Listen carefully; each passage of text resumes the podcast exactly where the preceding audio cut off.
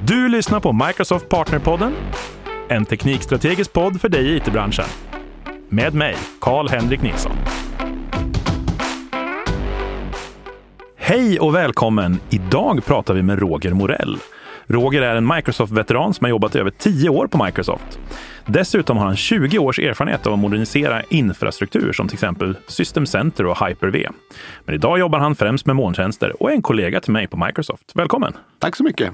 Vi har ju bjudit hit dig av en specifik anledning. Det är mm. ju att du vet ju allting om varför vi håller på och snickrar och sågar och hugger i Gävle-Sandviken och Staffanstorp. Ja, det är ju en byggarbetsplats eh, där vi är delvis och, och snickrar och sågar och gjuter betong och svetsar skulle jag säga. Och nu är vi man i full fart med och eh, ställa in massor med, jag kallar det datorer då, men det är rack på rack på rack av servrar helt enkelt och lagring. Och vi bygger alltså på fyra olika platser i Sverige. Ja. Varav en börjar bli så att säga så att vi kan börja ta över den ur ett Microsoft-perspektiv. Spännande. Ja. Varför bygger man datacenter i Sverige? Det är för att vi ser ett, ett väldigt behov av att ha lokal, framförallt lagring men även processning i Sverige. Det är också för att Microsoft eh, behöver stärka sig. Vi behöver komma närmare kunderna helt enkelt, skulle jag säga. Bra. Vi kommer ju ha Microsoft 365, vi kommer ha Azure, vi kommer ha Dynamics, Power Platform och hela, hela konkarongen så att säga när vi är klara. Precis. Stort sett eh, alla de tjänsterna eller alla de tjänsterna. Men, men sen har ju Microsoft en massa andra saker också. Vi kommer naturligtvis inte ha LinkedIn, vi kommer inte ha GitHub.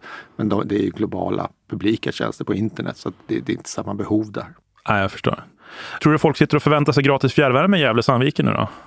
Det är kanske någon som tänker det, men grejen är den att eh, våra datacenter är ju så förhållandevis energieffektiva att det finns inte någon större poäng med att göra en sån koppling. Det är i alla fall vad jag har fått höra hittills. Eh, och med energieffektiv menar jag då att eftersom vi jobbar i sån skala så måste vi för effektivitetens skull få så mycket beräkningskapacitet per energienhet som möjligt. Och det gör ju att vi, vi släpper inte ifrån oss så mycket helt enkelt. Nej, precis. Man försöker använda så mycket el som möjligt till ja, att beräkna med. Elräkningen är ganska substantiell varje månad så att eh, ju mindre vi gör av med i förhållande till vad vi behöver så ja, jobbig sån här mäklarannons. Driftskostnad per kvadratmeter. ja, det nog, skulle nog. Kommer man få besöka det datacenter? Det vet jag mina partners som jag jobbar med brukar fråga rätt ofta. Nej, det kommer man inte få göra. Det kan jag väl säga rakt upp och ner. En del i vårt säkerhetsarbete tänker jag. Ja, när man tänker vidare på det. Det är ju dubbelt. Som kund eh, eller som partner vill man ju komma och titta på det här. Jag får inte heller besöka trots att jag är Microsoft-anställd.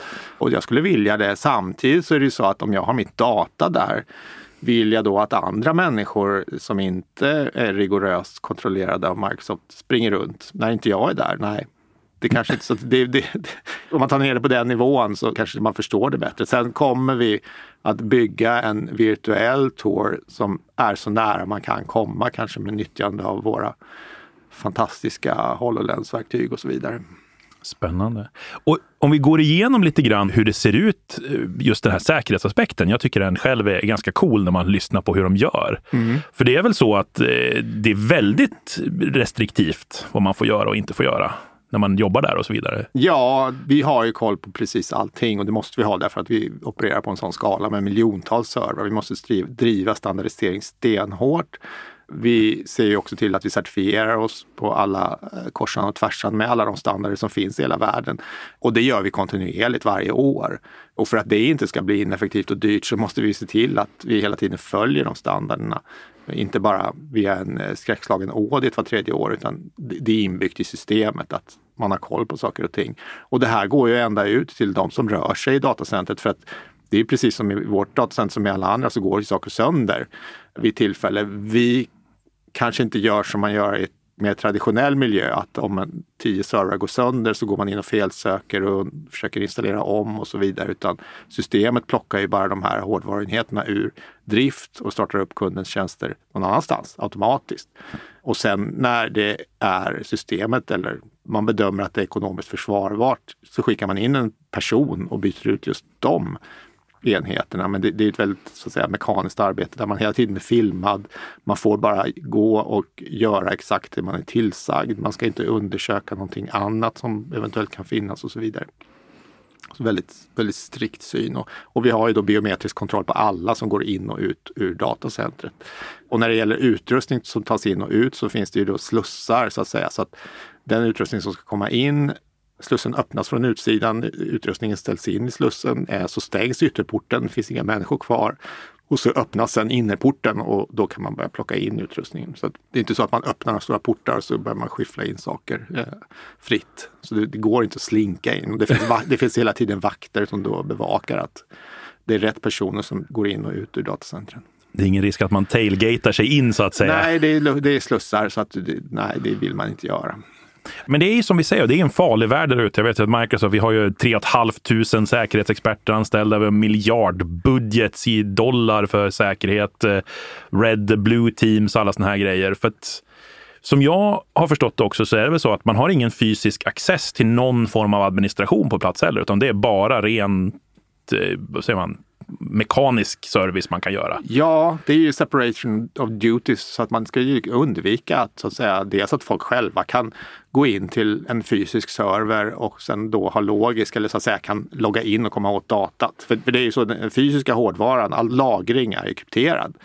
Så att även om du så att säga med några illavarslande intentioner går in och börjar rycka några diskar jag spränger mig in med ett team ja, av kommandosoldater och ja, snor ett SAN. Det, det, kan man väl säga, det blir ju väldigt, alltså en sån operation i våra datacenter eftersom ingenting är uppmärkt med här finns kund X eller här finns system Y utan det är bara rad på rad på rad på anonyma servrar och tjänsterna kan ligga lite var som helst. Det är ingen som kan se det. Så en sån operation blir ju väldigt lite reward på det hela för att du kommer ju därifrån förmodligen med väldigt tunga eh, svenska, ja både polis och and, kanske andra organisationer som kommer att vara i hack i häl. Det kommer att vara väldigt svårt att komma därifrån och det enda du får med dig är kanske några diskar och lite servrar som är värdemässigt värdelösa. Men poängen är ju att den data som finns på de här är krypterad.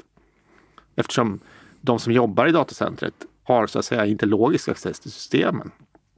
Medan däremot om de hade logisk access, det vill säga att de var administratör på servrarna, då skulle de ju kunna komma åt datan okrypterad eftersom en administratör kan läsa oftast krypterade diskar. För det, det går med behörigheten. Men mm. den typen av risk finns inte då i och med att de som jobbar i datacentret, de, de jobbar bara med att byta utrustning och så vidare. Jag tycker, det, jag tycker det är häftigt när vi pratar om det här med industriell IT liksom i den här ja. gigantiska storleken. Ja, men vi har ju sagt flera gånger nu också industriell IT, men hur, och jag tror att många har svårt att förstå hur galet stort det är. Har vi något bra exempel på hur stort ett datacenter faktiskt är? Har man hört och tittat förut, exempelvis lyssnat på Mark Rusinovic, vilket jag rekommenderar att man gör. Han är ju Azure CTO så att han berättar ju ungefär en gång om året ganska ingående hur vi gör och tänker om massa olika spännande saker. Men i Sverige bygger vi då den senaste generationen av sådana här datacenter. Eh, och jag tror att en kodnamn är Ballard eller något liknande. Men där bygger man, eller vi bygger datacenterbyggnader som är ungefär 400 meter långa och jag skulle gissa att de är ganska avlånga, så kanske de är 80 meter breda. Gillar man fotboll, och då pratar jag riktig fotboll, eh, inte amerikansk, så kan man säga att det är ungefär fyra fotbollsplaner långt. Men för en stockholmare då, eller någon som har varit i Stockholm och vet, så mätte jag upp och jag tänker om man ställer sig med ryggen mot strömmen, med, med ryggen mot staketet eller stängslet där. Och så tittar man upp mot eh, fasaden där, NKs fasad och de byggnaderna som är på Hamngatan. Står vi i Kungsträdgården nu? Ja, förlåt, upp över Kungsträdgården. Då, hela Kungsträdgården då kan man säga är ett datacenter.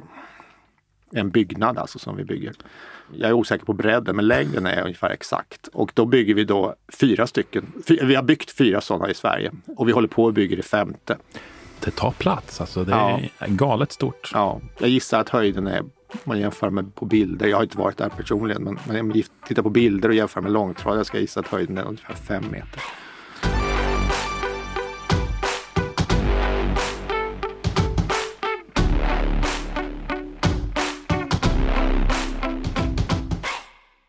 Du och jag, vi har ju valt att gå till en karriär inom cloud. Vi jobbar ju med cloud och jag är ju övertygad om att de flesta människor kommer ju att få ta sig till cloud förr eller senare och det kan ju vara lite ja. lite skräckinjagande tror jag. Det tyckte då jag i alla fall när cloud var nytt och fräscht och man skulle förstå det. Ja.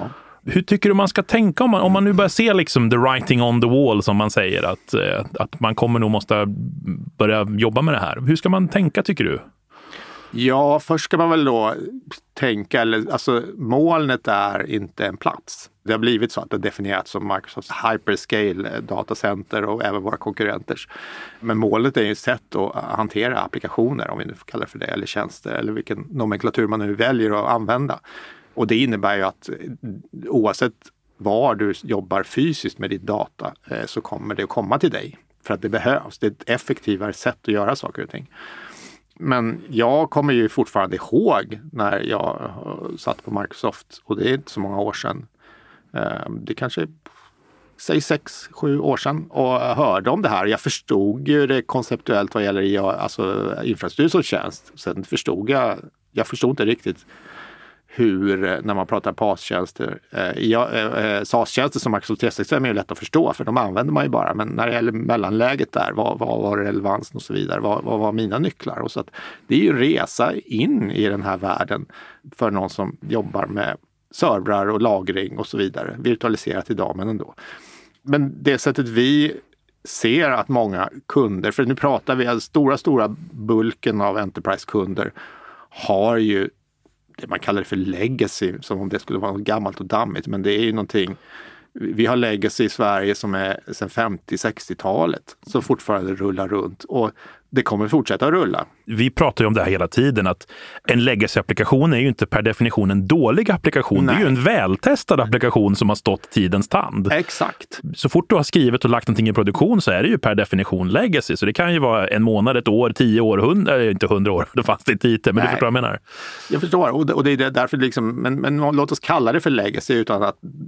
Ingen alltså, värdering. Nej, det blir lätt. Men det innebär att det, det finns ett arv i alla fall, det tycker jag är bättre, som, som kommer att finnas kvar. Och det ser vi sker redan i parti och minut, men det är ju en accelererad så att säga flytt till de här mer effektiva datacentren som vi ändå driver.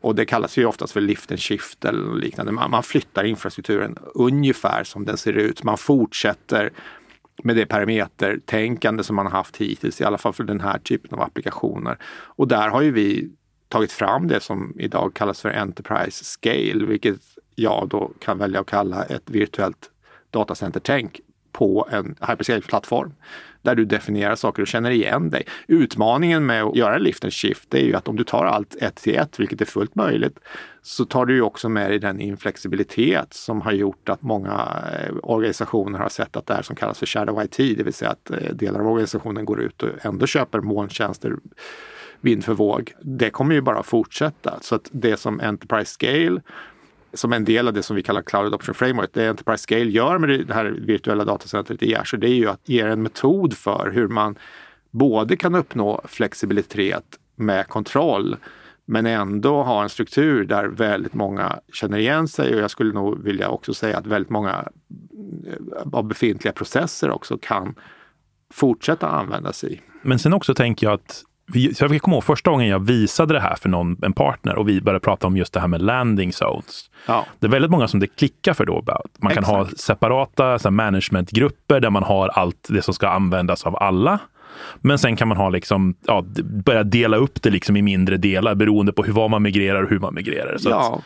precis. Och, och vad behovet är, ja, men det är ju så att jag menar, om, om du har en bank, alltså, systemet som hanterar kundernas konton ska ha betydligt striktare regler än kundapplikationen som kanske ja, hanteras av marknadsavdelningen och en social kampanj och så vidare. De behöver vara mycket mer flexibla för att ja, men de kanske ger bort sig men risken är inte så hög. Men du måste fortfarande ha vissa guardrails för om du inte har guardrails för dem så kommer de mm. ändå kliva vidare. Nej men absolut, en kampanjsajt för bli kund nu ska ju naturligtvis vara accessbar på ett helt annat sätt än mitt bankkonto. I alla fall så skulle jag föredra om det var så. Ja, men i det gamla parametertänket så är det väldigt svårt att realisera. Då blir det, allting blir på säkraste sidan och då blir det för inflexibelt i Azure. Azure är byggt för att hantera den här typen av problematik.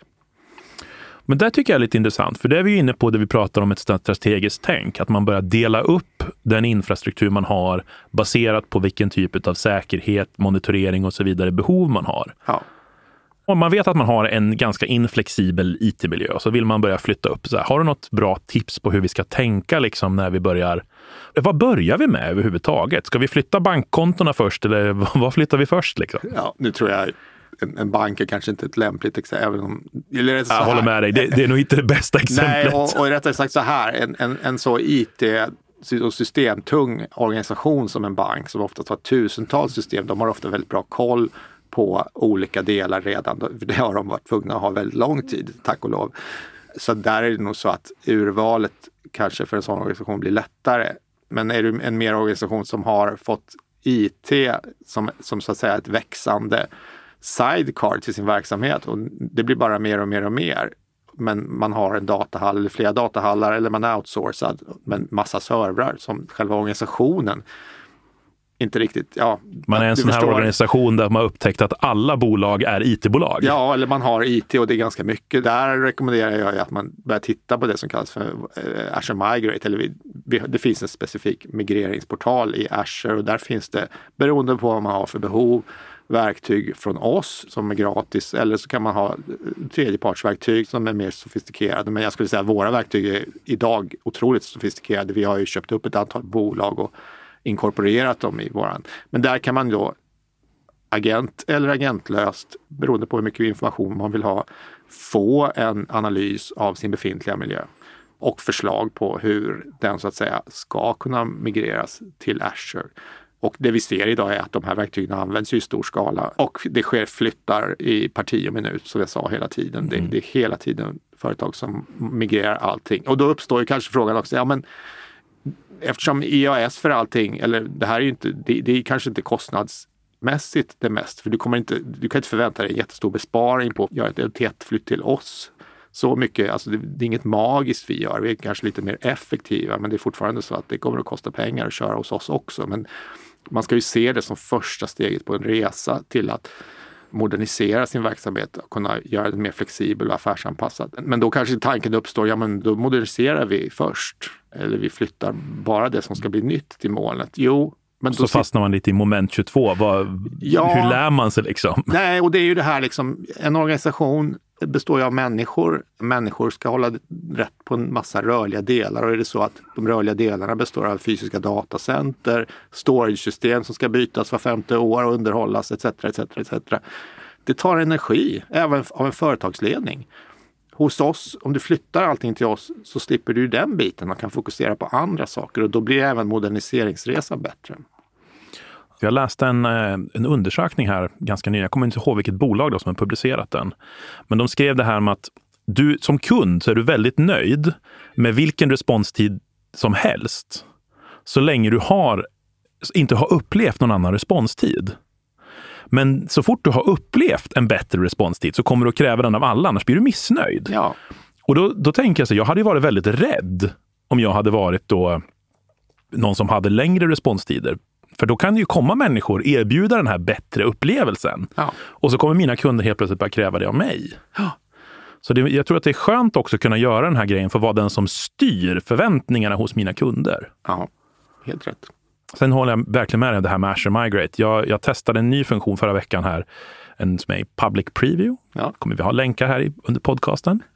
Uh, men där man kunde identifiera workloads både i Java och för ASP.NET Framework, så äldre versioner av eh, .NET, som kördes i ISen och direkt skapa ett AKS-kluster och migrera upp det i, i molnet, vilket jag ser lite som smått magiskt. Ja, det är fantastiskt. Men du kör ju mycket Azure Migrate med dina partners nu när vi håller på att prata DC-migrering och såna här grejer. Exakt. Har vi några case som är extra svåra då, om vi ska tänka? Jag vet att många pratar om att ja, vi kör ett hub and spoke-nätverk, vi kör massa sådana här komplexa grejer. Klarar den av att identifiera det här? Eller vad, är det nätverk till exempel? Är det, något, är det något som är svårt för det här? Eller vad har man den största svårigheten? Jag skulle inte säga. Det, det, det finns säkert svårigheter. Om man, jag, har, jag vet inte. kan vi inte bara säga så? Jag tror det... Inte, jag, inte jag, det finns säkerligen detaljer i det här som är som någon kan komma och snå knäppa på fingrarna med. Så att, eh, och då tar vi gärna en dialog. Men det är väldigt heltäckande idag. Men det är ju också beroende på att, att man inte undan, ju mer information man ger desto bättre blir det. Ja, men det håller jag med om och jag, jag, jag, är själv väldigt förtjust i produkten. Men sen, det är klart att det finns svårigheter, men eh, Då får ja, man ju lösa dem. Ja, och där vill jag ju flika in att jag menar, nu bygger vi de här gigantiska fina datacentren där det mesta det är mest effektivt att köra där, både för klimatet och, och för plånboken och för organisationens flexibilitet. Men vi driver ju också väldigt hårt vår hybrida story där vi säger att data ska processas där det ska processas av olika skäl. Eh, allting är inte lämpligt att lägga i våra datacenter, både av säkerhetsskäl, av latency-skäl etc. etc. Jag vill poängtera det för det blir lätt så att vi låter som en megafon som bara säger flytta allt till oss. Så är det inte.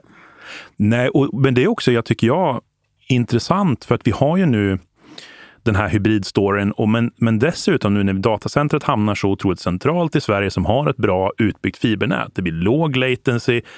Men vi har ju också de här samarbetspartnersen som har eh, Expressroute till exempel och de här grejerna som ja. gör att vi kan skapa... Exakt. Ja, så att vi, alltså det, det finns ju redan idag. Microsoft har ju, ja, vi kan, det finns tre aktörer som har de största nätverken i världen. Alltså antingen egna eller hyrda svartfiber där man då etablerar sitt nätverk på det här. Och Microsoft är ett av dem. Och det är en gigantisk grej. Det är väldigt fördelaktigt för kunderna också. För jag kommer inte ihåg om vi har 160 peeringpunkter globalt sett. Och en peeringpunkt är då att när du via din ISP eh, ansluter dig till internet, en internet service provider, så har de lokationer där de så att säga lämnar över trafiken till oss. Så att någon trafik som ska till en Microsoft-tjänst kommer väldigt snabbt att lämnas över till vårt nätverk och då har vi kontroll på den trafiken och kan så att säga ja, keep the bad guys out i väldigt hög utsträckning. Eh, och det nätet är globalt och en sån connection-punkt finns i Stockholm redan nu. Och sen har vi då det här som kallas Express Route som är vår variant av fasta linor. På något sätt så måste du ta dig fram till den punkt där du kan ansluta till vårt nät med, med en privat lina. Och det finns i Stockholm och det finns idag tror jag två leverantörer som tillhandahåller tjänster där. Vi får se om det blir fler i framtiden det är ju en väldigt viktig parameter i det här för att de flesta Enterprise-företag vill ha privata linor till Azure och det är idag väldigt utbyggt. Finns i alla t-shirt-storlekar i alltifrån eh, förvånansvärt billigt till dyrt så att ja, man skäms. Men med det sagt så är det naturligtvis eh, för globala organisationer så är de priserna ingenting. De kommer inte, de, de... Det är dyrt med fiber. Ja, det är dyrt med framförallt fasta linor. Där man får. Men, men det är också en viktig parameter att de här expressroutarna går ju att få med inkluderat den trafik som går över dem. Så att du köper en viss mängd bandbredd per månad och får på det sättet förutsägbart pris. Precis. Om man är en stor Microsoft-partner och är riktigt, riktigt sugen på att vara först ut och testa vårt svenska datacenter. Finns det någon möjlighet att få, få prova lite i förtid? Jag skulle vilja säga att det beror på vad du har för kunder och sen, men prata med oss. Prata framförallt med din Microsoft-representant eller pinga mig för allting eller, eller Karl-Henrik direkt. Så börjar vi ta en dialog i alla fall. Stort tack för att du tog dig tid idag Roger. Ja, det var jättekul. Tack så mycket. Du har lyssnat på Microsoft Partnerpodden med mig Karl-Henrik Nilsson. Som vanligt hittar du information och resurser på aka.ms partnerpodden.